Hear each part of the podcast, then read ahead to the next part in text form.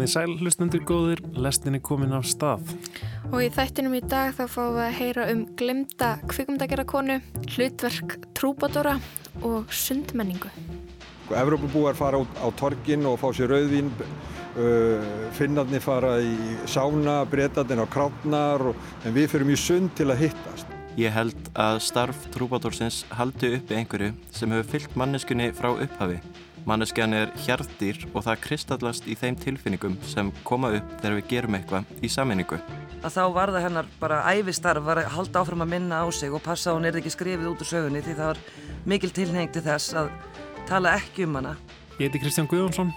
Og ég heiti Lóa Björg Björnstóttir og þetta er lestinn þriðjudaginn 4. oktober.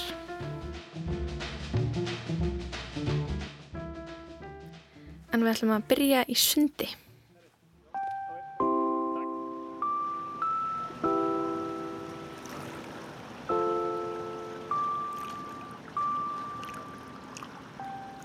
Í lok september gerði Marskína skoðanakönnun til að komast að því hverjar væru uppáhalds sundlaugar Íslendinga.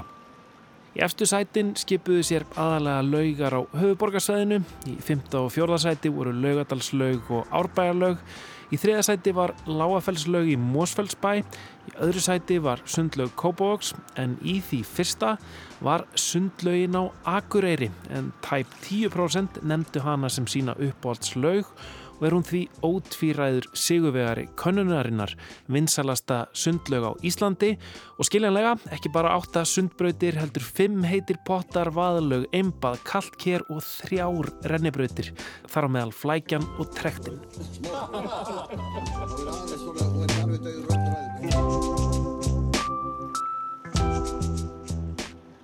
Sundlögar eru Íslandingum hjartans mál, vel yfir hundrað laugar er á landinu en það eru einhver mikilvægasta heilsurækt og félagsmiðstöð Íslandinga. Jón Karl Helgarsson, kvikmyndagerðamæður, hefur rannsakað sundmenningu Íslandinga í myndum sínum. Fyrst í mynd sem heitir Sundið, sem fjallaðum sundkennslu á Íslandi og svo nú í myndinni Sundlöga sögur sem verður frumsýnd í kvöld. Jón Karl er sköllóttur með gleraugu og upprúlað yfirvaraskegg og þegar hann fer í sund þá klæðist hann þver röndöttum sundból í gamla stílnum. Jón Karl, kemur þau hérna reglulega í þessa sundlaug, sundhöllina? Já, já, þetta, þessi laug og vesturbæðlaugin eru mínar laugar.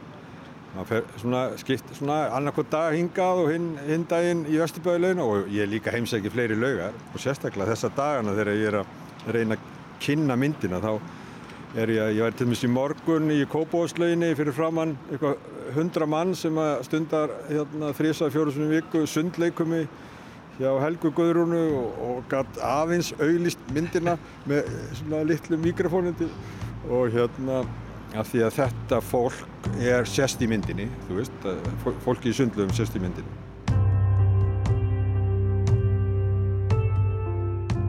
Alveg frá landnámi hefur fólk baðað sig í því heita vatni sem spítist upp úr jörðinni víða á Íslandi en það var ekki fyrir en nálgæðist 20. öldina sem farið var að byggja sérstakar sundlögar til sundkennslu en þá kunnu fáir Íslandingar að synda. Það var því bókstaflega lífsnöðsynlegt að byggja sundlögar á borðið Seljavallalög sem var steift árið 1923 og Jón Karl segir frá í myndinni. Það er tveir bátar sem fara frá uh, söndunum og, og sigla uh, róa til Vestmanneia og þeir, þeir kolva í höfninni og, og, og það drukna allir nema einn og þá sögðu sveitungarnir þegar þeir horfðu upp á átján föðulegs börn og nýju ekkjur að nú verðum við að fara að gera eitthvað í þessu að kenna Íslandingum að synda. Þetta er svona, þetta er byrjunin á myndinni, þess að svona aðeins að kynna það hvernig þetta var. Menn kunna ekkert að synda hérna áður. Sundkonandan dó út bara stuttu eftir að landnáma því þá kom kuldaskeið og foreldrinin hættu að kenna börnunum að synda. Nema það að þeir reysa svo að selja vallarlaug 20 árum eftir þennan atbyrð mm -hmm. Hvernig er þetta? Þetta er sagt, 23 minni mig að, að selja vallarlaug sé reist. Og ég sviðsett þegar er verið að taka mynd af þessu fólki þar að segja 19 föðurlösum börnum og 18 ekkjum sviðsett það svona til að aðeins að gefa þetta í kynna hvað ég bara, hvað þetta var dramatíst hérna áður, menn voru að drukna, sjómurinnir til dæmis hefðu ekki áhuga að læra því að þeir sögðu að það myndi lengja kvölinina við druknina. Þannig að, en hægt og rólega þá tókst að, að reysa þessa laugar og, og kenna fólki að synda og sem er svo núna bara hefn. Jæja krakkar, í dag ætlum við að æfa bringusund. Gerið svo vel setið okkur kútana.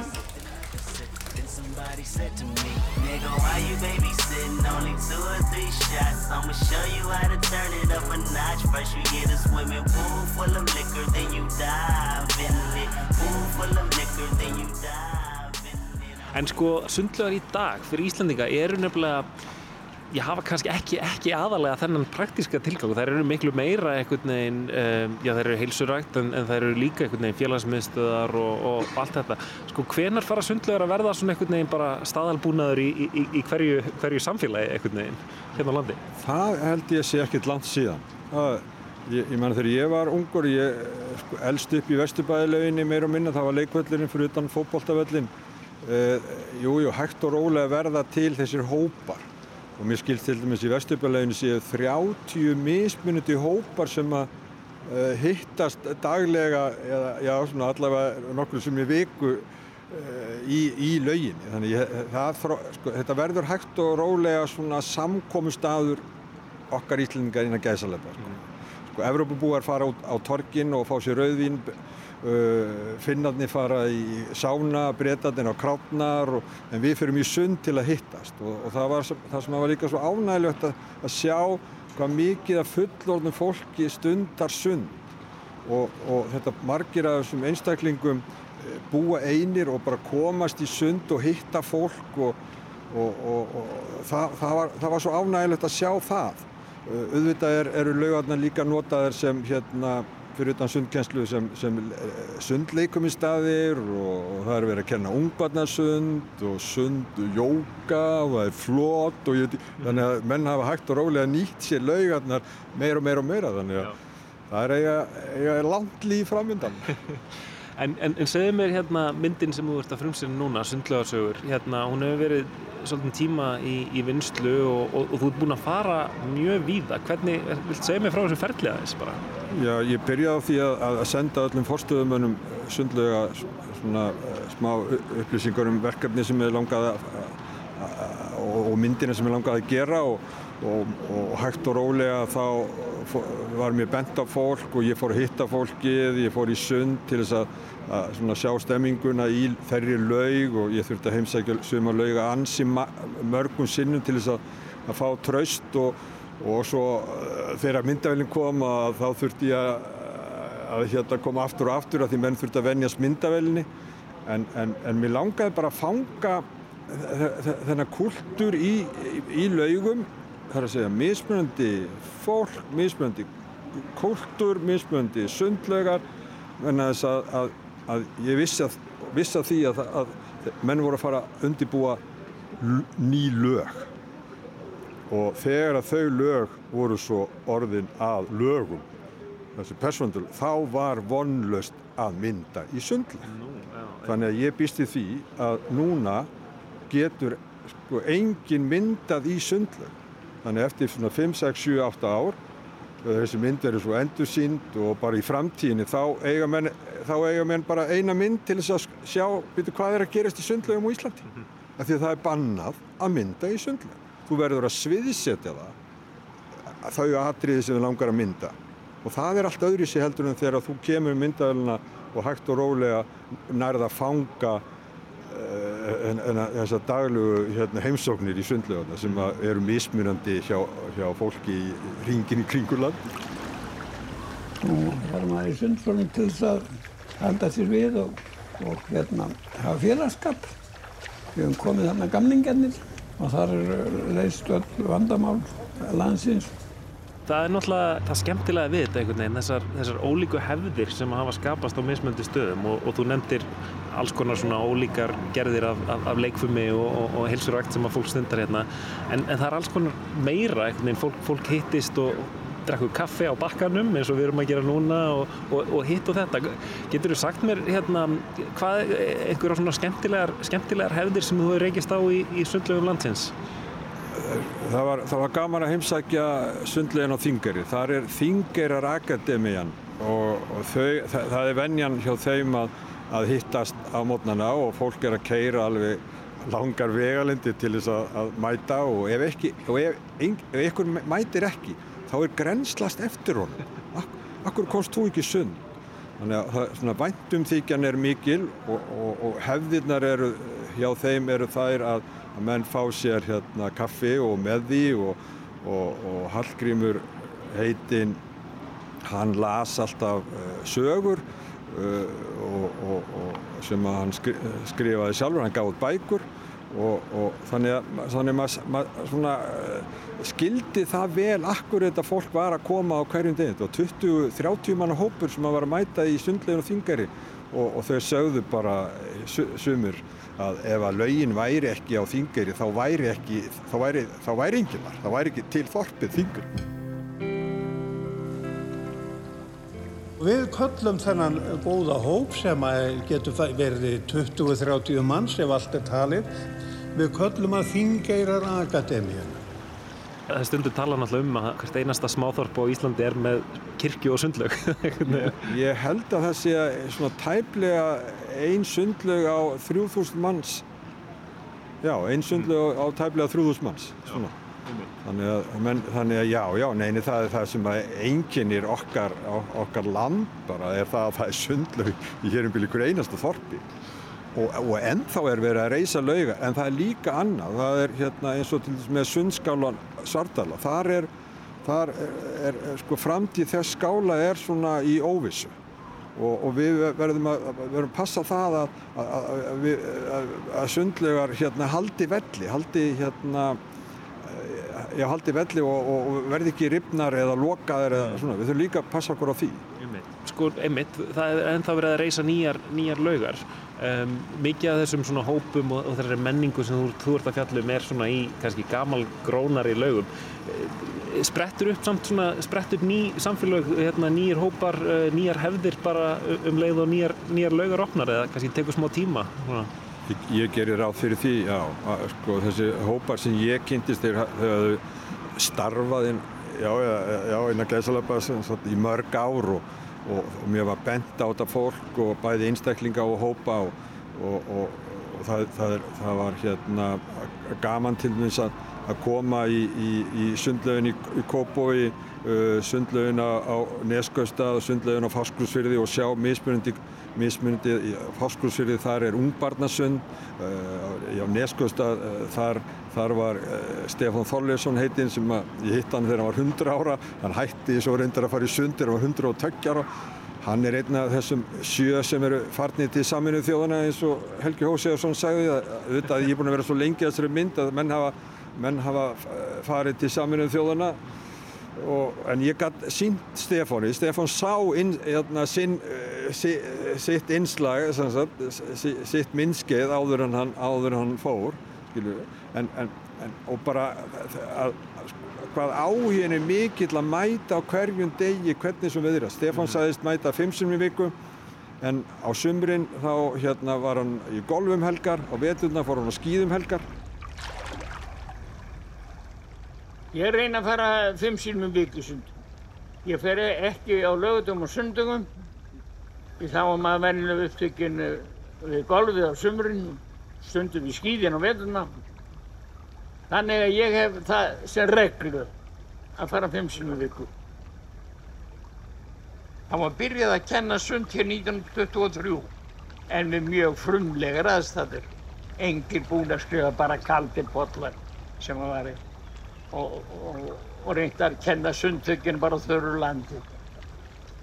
Engi sundkútar eða neitt slíkt. Engi hjálpartæki. Það er byrjað að rigna okkur hérna. Allt í lagi að vera blöytur í á sundlögabakkanum. Vissulega. En sko, ég er að velta fyrir mig hvaða er við sundlögarnar sem er svona, um, hvað við sækjum í, sko, auðvitað er það einmitt, það er þessi heilsurækt, þetta er, er þægilegt að vera í heitu vatni, en svo er þetta auðvitað líka við erum öll bara einhvern veginn hálf, hálf nægin og, og það er bara er engin mannamunur einhvern veginn. En maður sér ekki hver er þingmaður eða, eða, eða hver, er, uh, hver, hver er smiður eða hver er flugfræja eða, eða fórseti eða hvað eina sko. það, veginn, það þurkast út svolítið hérna Algjörlega, þú ert hérna bara á sundbólum eða sundskilunni, það er eins og hópurinn í Vesturbæðileginni, ég held að þetta sem þú taldir upp, það sé Eh, partur á hópnum þar sem eru þingmenn og, og, og, og verkafólk og ráðnöttistjórar og ég veit ekki hvað, hvað þetta fólk hittist og spjallar um auðvitað daglega hluti og stundar svo möllerinn, þeir í Vestbæðileginu stundar möllerinn á hverjum degi, við erum búin að gera sér 1982, hópurinn heitir Vinir Dóra, frábær hópur og gaman að fylgjast með þeim. Uh, nei, sko ef maður horfi bara hérna yfir þá sér maður að, að, fólk er að tala saman í pottónum því líður vel þó að sé, jújú jú, það er ekki vetur núna en á veturna þá, þá líður fólki jafnvel að, að vera í potti og tala saman og líka upplifa, upplifa sko einveruna, vera einn í heiminum og það er líka bara sko í vatninu ertu bara eitt tíunda þingdini þannig að þú, það, þið hlýtur að líða betur hvort sem þú ert 50 kíló eða 120 kíló þá líður þið bara betur, líður vel í sundi það er bara eitthvað með vatnið og, og þetta heita vatn við erum með heitt vatn í flestum sundlegum á Íslandi og byrju hvar í heiminu er, er bóðið upp á slíkt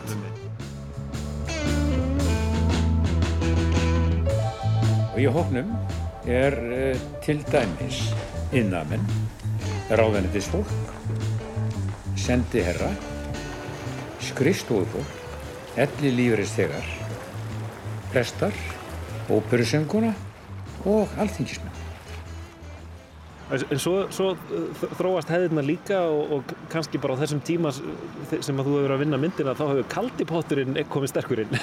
Jú, jú, kaldipotturinn komið sterkurinn og hann er, hann er, svo hann, bara ég tók eftir því hægt og rólega þá, þá var maður var við það að menn voru að að, ekki bara reysa, heldur líka bara komið með fiskikör og, og setja kallt vatn í og, og, það, og það var bara ánægild að sjá það að, að menn tóku þátt í því og eins og hér er búið að reysa sko í, í, í sundöldin búið að reysa æðislegan kaldan pott og mörgum stöðum í ringin ykkur landið er komið kaldur pottur.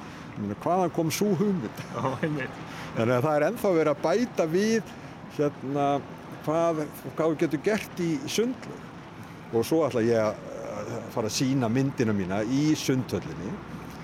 Og það held ég verði í fyrsta skipti bara allavega í Íslandi sem heimildamindum sundlaugur er synd í sundlaug. Og ég ætla að prófa það sjálfur í mínum röndótt á sundból að vera í laugin og horfa á myndina sem að tók mig tíu ári í vinslu hér um byrj.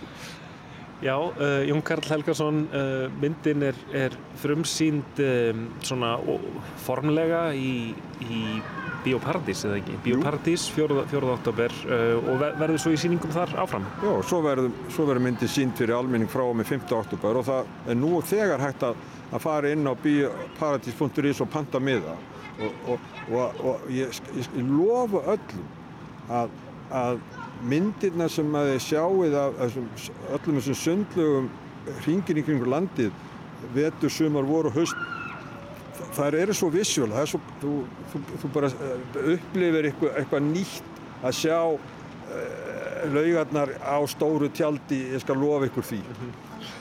Jón Karl, takk kærlega fyrir að hitta mig hérna í, á bakkanum í Sundhöllinni. Sumulegis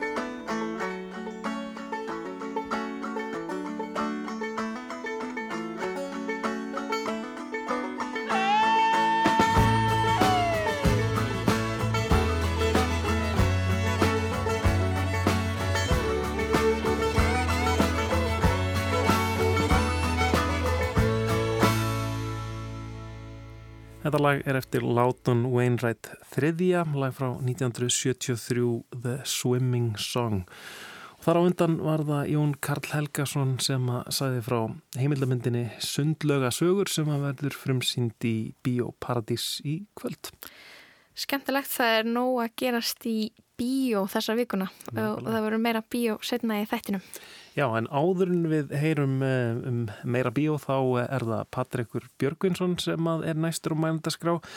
Hann heldur áfram að fjalla um fyrirbæri í alþýðu menningu samtímans eh, í síðasta pistli fyrir tveimu vikum síðan. Þá pælt hann í þeirri aðtiklisverðu hefð að gefa húsbílum nöfn en að þessu sinni þá veldur hann fyrir sér trúbadorum hlutverki þeirra og stöðu í samfélaginu.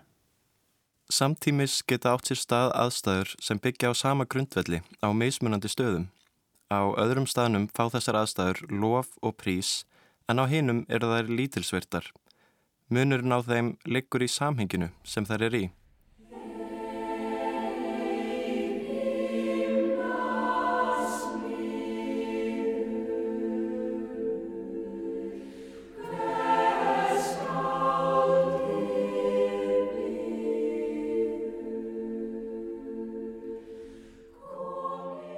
Smekklega klettur kórstjóri leiður hóp faglærðra söngvara með handarhefingum. Kórin er að flytja lag sem var samið fyrir mörgum tögum ára. Það hefur verið sungið aftur og aftur, alveg eins og aðeins öðruvísi. Salurinn fullur af brúðbúnum gestum sem hafa tryggt sér miða á tónleikakórsins þar sem spilu verða lög eftir fólk sem er ekki á staðnum. Lög sem gestir þekkja og hafa hyrt áður. Á sama tíma myndar trúbador í flanelskirtu og gallaböksum gítarinn sinn og leiðir hóp ófaglærðra söngvara. Þau eru að syngja lag sem var samið fyrir mörgum árum. Það hefur verið spilað aftur og aftur, alveg eins og aðeins öðruvísi.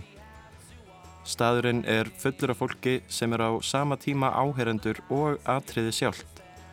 Þau eru mætt til þess að syngja saman lög eftir fólk sem er ekki á staðnum lög sem þau þekkja og hafa heyrt áður. Í kvöld munu gestirnir bæði vera og heyra í kór alþýðunar.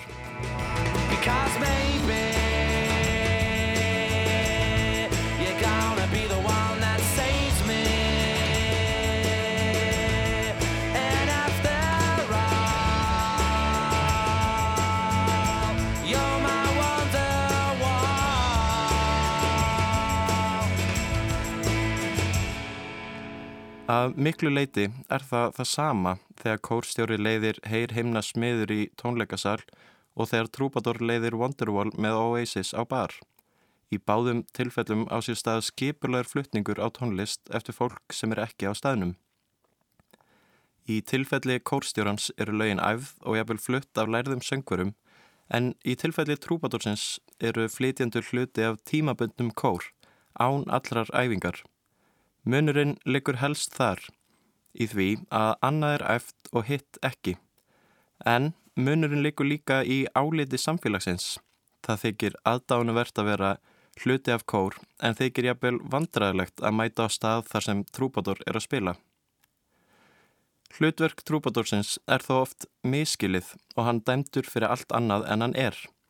Orðabóka skilgreining orsins trúbador er sá eða svo sem syngur og spilar undir engum á bar. Skilgreiningin næri ekki nægilega vel utanum flókið starf trúbadórsins. Hluti starfsins er vissulega að spila undir og að syngja en það er ekki eiginlegt hlutverk hans.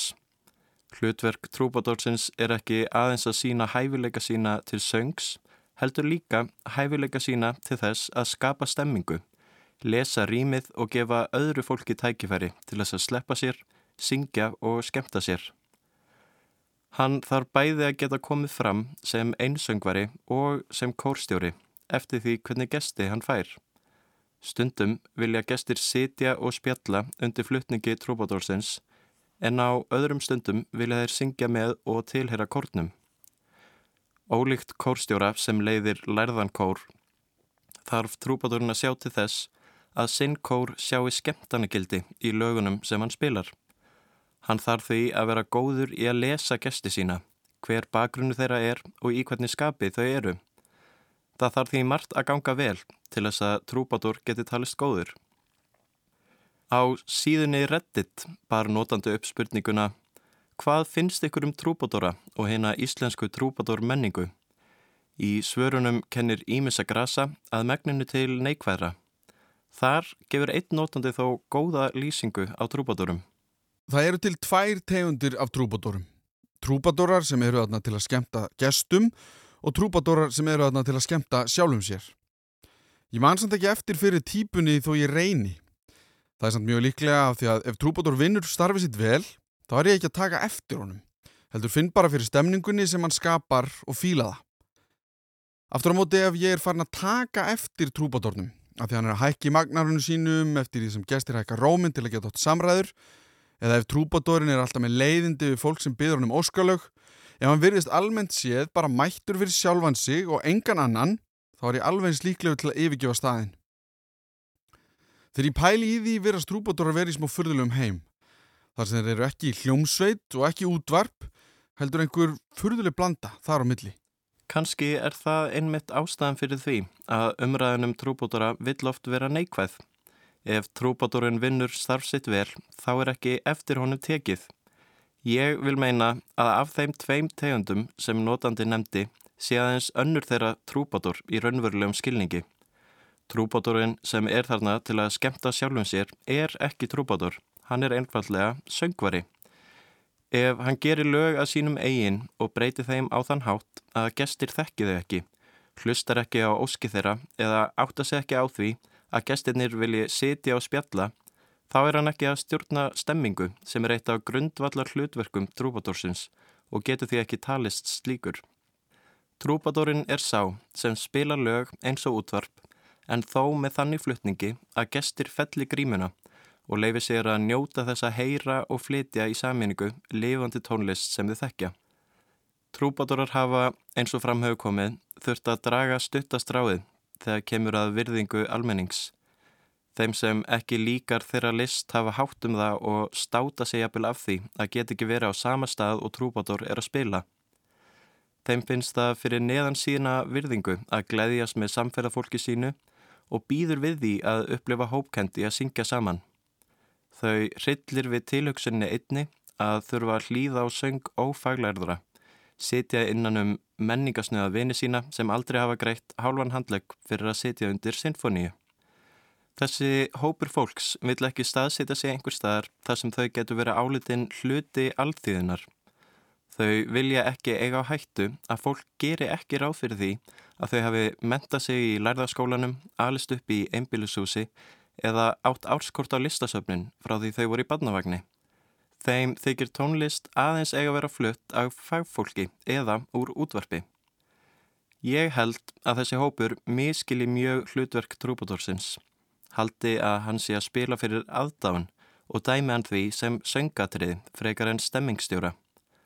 Þessi hópur fólks hefur kannski ekki leift sér að upplefa þá frumstæðu nöytt sem fylgir því að tilheyra hópi, að gera og vera í saminningu. Ég held að starf trúbátorsins haldi uppi einhverju sem hefur fyllt manneskunni frá upphafi. Manneskjan er hjartýr og það kristallast í þeim tilfinningum sem koma upp þegar við gerum eitthvað í saminningu. Ekki þegar við horfum á einhvern einn framkama, heldur þegar hópurinn framkamir sem held. Á bar í miðbæ Reykjavíkur verða rattir gestaði einni þegar þau syngja saman Wonderwall og í tónleikasal gerist það sama þegar kór syngur heyr himna smiður. Munurinn liggur kannski ekki einungis í samhenginu. Í öðrum aðstæðunum fá gestir að upplefa þessa hópkend með því að taka þátt en í hinnum horfa þeir á aðra upplefa hana.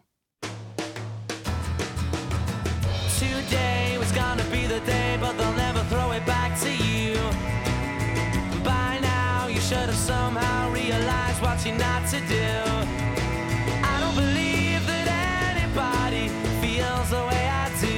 about you now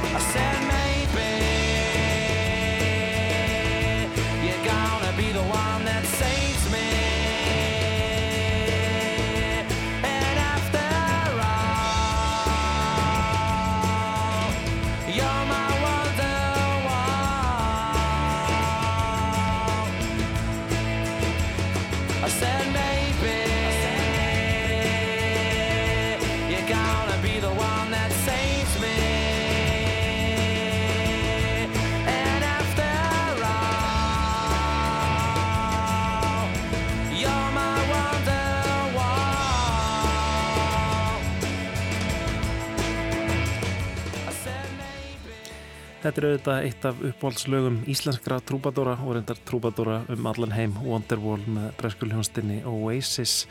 Það var Patrikur Björgvinsson sem að fjallaði um trúbadóra og hlutverk þeirra í samtímanum.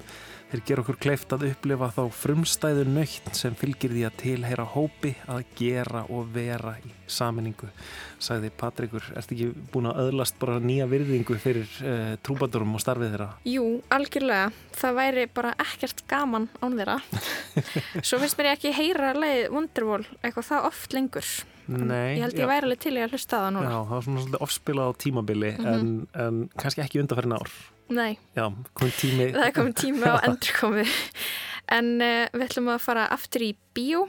Á sunnudaginn þá verður Bíotek haldið í annað sinn þetta haustið í Bíóparadís en það eru mánaðarlegar kvikmyndasýningar á vegum kvikmyndasaps Íslands. Bíotekið er eitt sunnudag í mánuði frá september fram í desember og við rettum við Ester Bibi og Gunnar Tómas um það sem verður í bóði á sunnudaginn næstkomandi og svo kynnum við okkur fyrsta kvenleikstjóru í heimi, hana Alice Guy.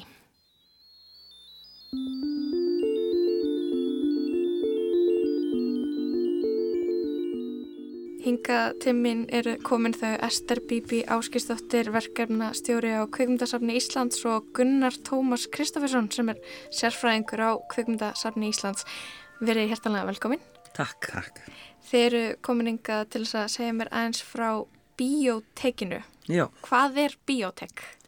Bíótekið er bara svona hugtæk sem við fundum upp til þess að ná yfir kvikmyndasýningar á vegum kvikmyndasaps Íslands. Og það er hugmyndin að, að sína íslenskar kvikmyndir og í bland og tengja þær við alþjóðlega kvikmyndasögu. Og bara bjóða fólki og reyna að hvetja fólk til að koma í bíó aftur og sjá myndir í jafnvel þó að við séð þar áður það er alltaf ákveðin upplifun. Og hvernig veljið þið þessa myndir sem eru síndar í, bíótekinu?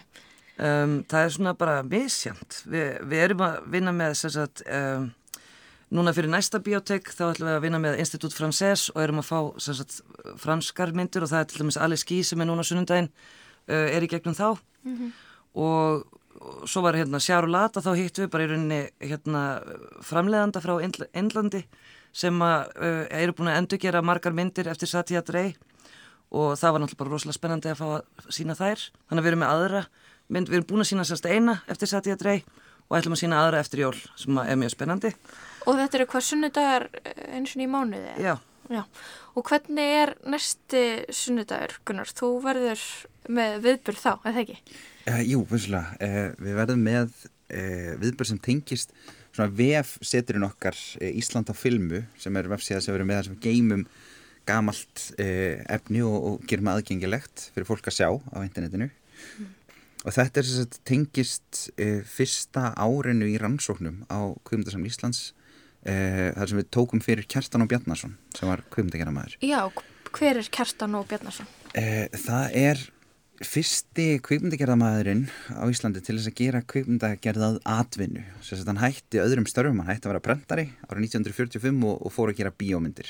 Mm -hmm. e, eða fór þess að taka upp kvikmyndir. Kanski að gera bíómyndir er, fullt mm. svona djúft í árana tekið en e, Hvernig, hérna, hvernig bíómyndir fór hann að gera? Hann, fór, hann tók rosa mikið upp fyrir félagsamtök, stopnarnir e, og líka gerði bara ráð fyrir því að fólk hefði áhugaði að sjá Ísland erlendis. Þannig að hann tók mikið upp Ísland hérna á landinu, tók, ferðast um Ísland og, og tók upp og fór síðan sérst, til Danmörkur, Svíþjóðar, Noregs, Finnlands og síndi myndir af Íslandi þar og fólk hefði mikið áhuga á þessu, var mikið í skólum og svona. Svo þegar hann var úti að þá e, tók hann upp myndir þar og, og kom með til Íslands og ferðast um á sömurinn og, og síndi Íslandingum blanda, sérst, blöndu af, af myndum erlendis frá og, og hérna e, frá Íslandi líka mm. og þannig held hann sér á floti gæti verið e, atvinnu kvömdageramaður í einhver 20 ár sem okay. er ofbærslega vel á sig vikið á þessum tíma. Og þá eru þetta meira kannski svona um, upp, upptökur fyrir ekkar heldur en svona myndir með handritum eða? Nákvæmlega, það er akkurat það sem þetta var Hann Svona vissulega heimilda efni. Já. Já, einmitt, og hann gerði þess að hann var vissulega með þemu á sýningum þannig að kveikmyndirnar þegar hann sendi út tilkynningu fjölmjöla ég verið með sýningu hérna í bænum uh, að þá sagði hann sagt, já, það, í næstu viku eða sagt, núna um helgina verða, verða sínd sagt, börn í, svei- í sveitabæjum uh, konur við störf og, og sagt, uh, blóm. Og það voru svona þemin sem hann bjóð til. Og við eigum sagt, þessi þemu til. Og meðal annars á sundaginn sagt, við ætlum að sína svona best of frá honum, alls konar klippur sem eru áhugaverðar frá kjartani. Og, og meðal annars verður sem sagt, þessi, sem sagt, sa, þetta samklipp hans af konum við ímis sveitastörf og störf í síld og svona sem er ótrúlega skemmtilegt að sjá. Stórkoslegt kveikmyndaefni, virkilega gaman. algjörlega og hérna og svona sem sagt, konur, hann tók líka upp konur uh, bara til útlitsins vegna þar sem þær eru augljóslega bara þar sem, sem hlutur svo hlutgerðar. En langstæstu hluti af þessu var samt bara var, voru sagt, konur að bara sinna störfum, bara til jafsu kalla og bara lyfta einhverjum þungum tunnum og, og gera og græja og snúa traktorum í gang og, og bara Var þetta ekki eitthvað svona mikilvægt heimild, mikilvægt heimild svona setna meir? Kannski óafvitandi var hann bara búið til heimildasafnum hvernig Ísland var. Jú, algjörlega, það var klárlega þannig og, og þetta er svo, svo margt skemmtilegt, til dæmis tók hann upp myndir af eh, manni sem heit Karlsen sem bjóð hérna í Íslandi og hann var minkabanni Minkabanni. Já, hann vann við það að drepa minka og að rekta hunda sem drepa minka og, og hann, kjartan, hann fylgd honum greinlega ykkur á nokkra daga og tók upp sérst myndefni af hundunum eh, tæta í sig minka og þetta fá að sjá. Smá, smá hryllingur. en eh, Saklaus sveitar hillingur. En svo hérna síndan tók hann líka upp uh, myndir af uh, fólki í bandaríkjum. Hann ferðast til sest, á Íslandikaslóður í bandaríkjunum, fór til hérna Spanish Fork heitir bærin, uh, þar sem Íslandikar sest, mormónar, urðu mormónar og, og settust þar að, sest, þetta voru hundra ár frá því að þeir settust þar að og þá heldur þeir skrúðgöngu til minningar um, um hundra ára sögu Íslands og þeirra þarna. Og og þar eru, sagt, það er ofbúslega áhugast að sjá uh, sagt, bandaríska túlkun á íslenskri sögu uh, í svona í svona skrúðgöngu. Þar sem við sjáum sagt, John Sigurdsson uh, mættan til þess að vera sem sagt, the, the founding father af, af Íslandi til þess að setja í svona bandarist samhengi Allt svona Eh, yfirskreitt og litrikt og... alveg ofbúslega skemmtilegt sko. og það er líka hluti af sem sagt, okkar síningu, við erum svona að sína ímisbrot og, og skemmtileg Og þetta er Columbia Press og þarna er Einar Páll Jónsson, rittstjóri og skald og Ingibjörg kona hans. Þau eru bæði við Lagberg, blaðið, annað blaðið og þetta er starfsfólk prentsmiðunar. Þarna prentsmiðstjórin Jóhann Beck, bróðir Ríkards. Og þetta er Davíð Björnsson, bóksali í Winnipeg, seldi íslenskar bækur og þetta eru tveir landar þarna, kaupmenn og þarna eru landarnir Er þetta ekki rosalega mikið hvernig velum maður úr komur á að sína? og það er, það er bara erfitt, maður bara horfa rosalega mikið og, og hérna, og sem ég gerði og, og svo bara valið það, það allra besta. Þannig að við erum bara með gullmála. Við erum meiri sem með Ríkard Jónsson eh, knaspindu heiti að skora mark. Er bara mjög sjálfgeft í íþróttamyndum að það, það kostaði svo mikið filman kostaði svo mikið, það var ekki hægt að taka upp heila fótballtaleiki, þannig að þú tókst bara upp brotin þegar þú helst að væri eitthvað að fara að gerast. Ok. og það hefnaðist næstum því aldrei. Þannig að við höfum rosalega fámörk Þannig að í staðin að þá, nei í þetta eina skiptið þá var það hans, Ríkar Jónsson, þessi hetja, knaspinu hetja, eh, skorar mark og við sjáum það, glæsilegt mark. Og fimmleikafélag Ármanns, það, það er náttúrulega alveg, það er stórkoslega gullmúli, ég er mjög spennt að sjá það í bíó. Og hvernig eru svona gæðin á þessu? Þau eru bara fín, þetta er náttúrulega tekið upp á 16 mm. Eh, Kjartan var gert á að endurnýta myndir, þannig að það eru alveg vel rispar. En hérna, en þetta er bara skannað í bestu mögulegu gæðum og, og við fáum að njóta þess. Getið þið sagt mér aðeins líka frá uh, Alice Guy? Ég hef ekki heyrt um hann en hún er vist fyrsti kvenleikstjóri heims. Þið munu sína eitthvað eftir hanna á, á sunnudaginn. Já, 13 stuttmyndir eftir Alice Guy sem að, uh, já, hún gerði á ní- 1896 til 1906 er hún semst mjög aktiv í þessari kveikmyndagerð og hún er ekki bara sko fyrsti kvenleiksturinn, hún er bara með fyrstu leiksturum heims. Hún er þarna bara alveg rétt á sama tíma og Lumi Erbræður sem flestir vita hverjir eru og hérna ég, og gerði í rauninni fann upp, segja þeir, hún mögulega var fyrsta konan til að gera leikna mynd með sögu og handriti. Á fyrsti, fyrsti aðilinn, er það ekki? Já, bara fyrsti leiksturinn, þannig að hún er bara fyrst í rosalega viðum skilningi. Hún er bara algjör frum kvöld. Já. En uh, veit, veit að margir hver hún er, þú veist, hvernig, hvernig var hennar saga sögð? Nei, hún var sérst að hún vann að því síðan eftir hún hætti kvikmyndagerð og, og, og var meira svona hefbundin húsmáðir að þá var það hennar bara æfistarf var að halda áfram að minna á sig og passa að hún er ekki skrifið út úr sögunni því það var mikil tilheng til þess að tala ekki um hana sem fyrsta leiksturann og, og ekki um hennar verk og bara minnast lítið á hana. Og það hefur kannski verið núna í setjintið sem er svolítið verið að að þá loksins er fólk farið að átt að sjá mikilvægu hennar í sögunni Eins og ég myndist á áðan þá hafði ég aldrei heyrt um Alice Guy þangað til ég skoðaði dagskrá bioteksins. En þrátt fyrir að hafa verið afkasta mikill frumkvöðl þá komst hún senkt á spjöld kvikmyndasögunar eins og Esther Bibi tók fram. Franska kvikmyndagerakonan Alice Guy Blas fættist í Fraklandi 1873 og á árunum 1896 til 1906 var hún líklega eina kvikmyndagerakonan í heiminum. Fyrsta myndin hennar var frumsýnd 1896 og í heldina kom hún að gerð hátt í þúsund kvikmynda. Í fyrstu vann hún fyrir framleiðslu fyrirtæki Gaumont í Fraklandi, menn svo stopnaði hún sitt eigið fyrirtæki á samt eigimannu sínum Herbert Blas, kvikmyndaverið Solax Studios. Það var árið 1912 í Flushing í New York. Það sama ár gerði hún fyrstu kvikmyndina sem samanstóð einungis af leikurum sem voru dökkir á hörund. Kvikmyndaverið sem hún stopnaði, Solax, var það stærsta áður en Hollywood kvikmyndaverin urði til.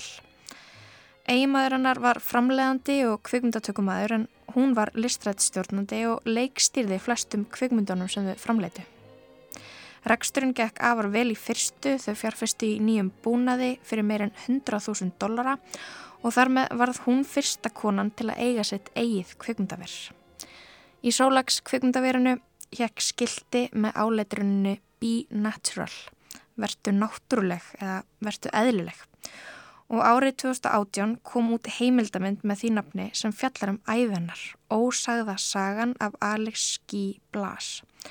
Myndin fjallar ekki aðeins um æðunar heldur en rannsókn á því hvers vegna ummerki um hana hurfu úr kvikmyndasögunni. Guy vildi alltaf auka þáttöku kvenna í listgreininni en það voru afar fáar konur í bransanum. Hún skrifaði um það í tímareitu um kvikmyndagerð árið 1912 og sagði þar að það væri ekkert sem væri svo tæknilega flókið við kvikmyndagerð að það hindraði að konur getur lært á það og unni við þetta til japs við karlmenn.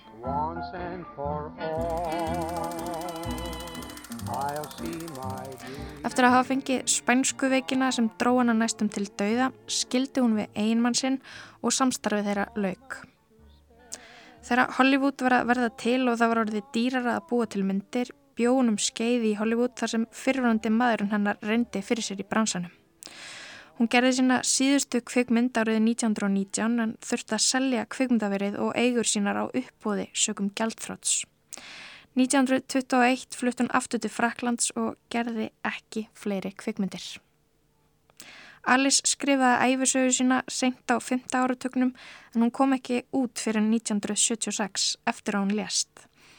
En á meðan hún var á lífi þá hafði hún áhyggjur af því hversu ósynleg hún virtist í kveimdasögunni og hún reyndi sjálfa skráða niður allar þær myndir sem hún kom að í vonum að fá eitthvað tíman viðurkenningu fyrir sín störf.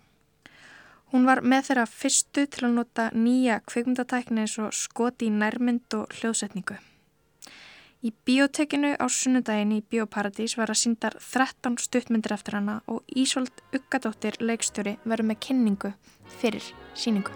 Þannig að segja okkur aðeins frá Alice Guy á undan síningunni, þannig að öllum áhörundum. Þannig að það er svona samanbyrður hvern leikstur í dag, hvern leikstur í þá. Mm -hmm, einmitt. Og svo er það, það er þessi þriðji viðbörður sem er þessi fyrsta heimildamind sem varð vinsæl. Mm -hmm. Nanook of the North. Já, uh, Robert Flaherty gerði þessa mynd og það var alls ekki öðvelt verk. Hann tók upp alveg gríðarlega mikið efni. Fyrst var hann bara að vinna við, við ykkur rannsóknir. Uh, er bara fenginn, svo finnur hann upp á því að hann verða að taka myndir af þessu, þannig að hann var engin kveikmyndatökumæður eða neitt.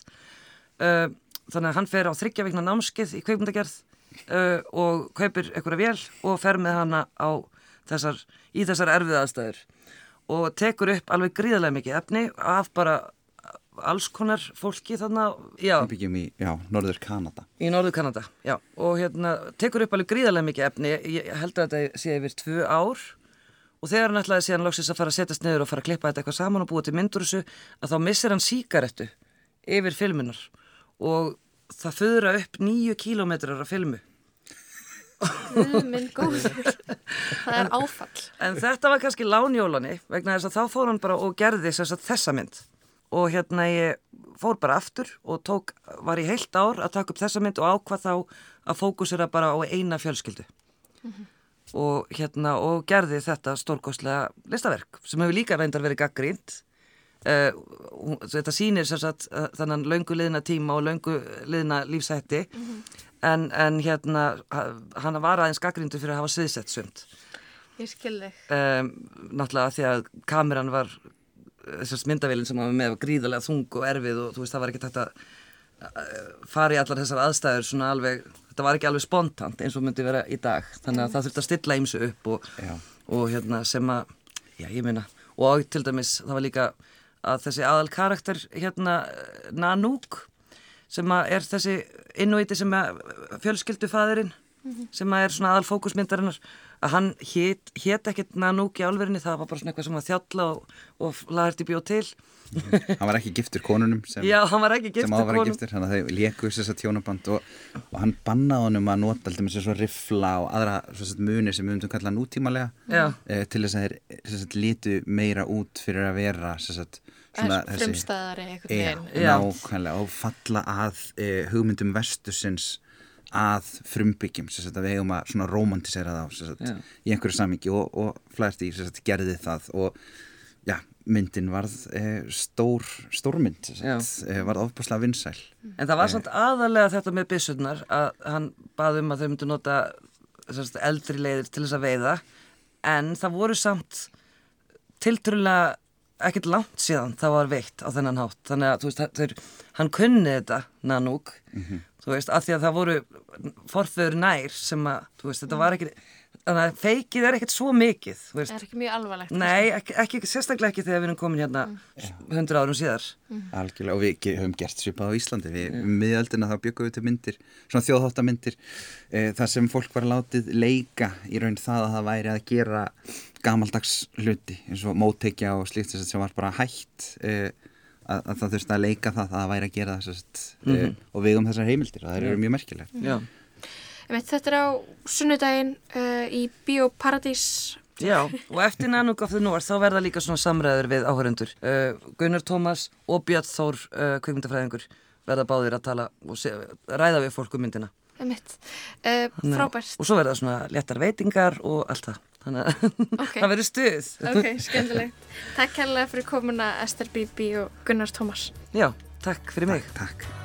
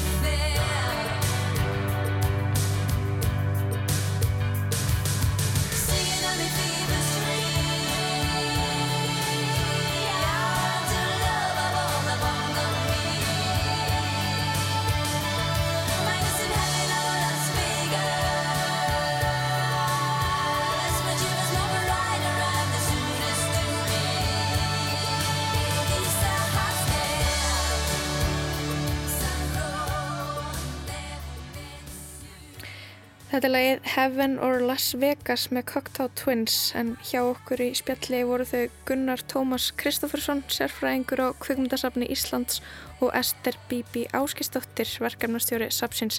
Þau voru að fara yfir dagskrá Bíotexins sem að, eða allavega því sem verður á dagskrá núna á sunnudaginn. Það er, Mikið af aðeinsverðum myndum þar já, sem eru venjulega ekki aðgengilegar í bíó. einmitt, Mm. en það er bara fyrir fólk sem finnst gaman að fara í bíó, uh, það þarf, um, ég veit ekki, mér líður svo að þurfi fleiri só, en annað klukkutíma í sólaringin til að komast á allar þessar myndir sem er í bíó. Nákvæmlega. Um, en um, við komumst ekki lengra í lestinni í dag, náum ekki að fjalla um fleiri bíómyndir við Kristján Lóa, bara þökkum fyrir samfélgina að þessu sinni, verðum við aftur á sama tíma á morgun. Já, tæknumæður var Lidja Gretastóttir. Verðið sæl.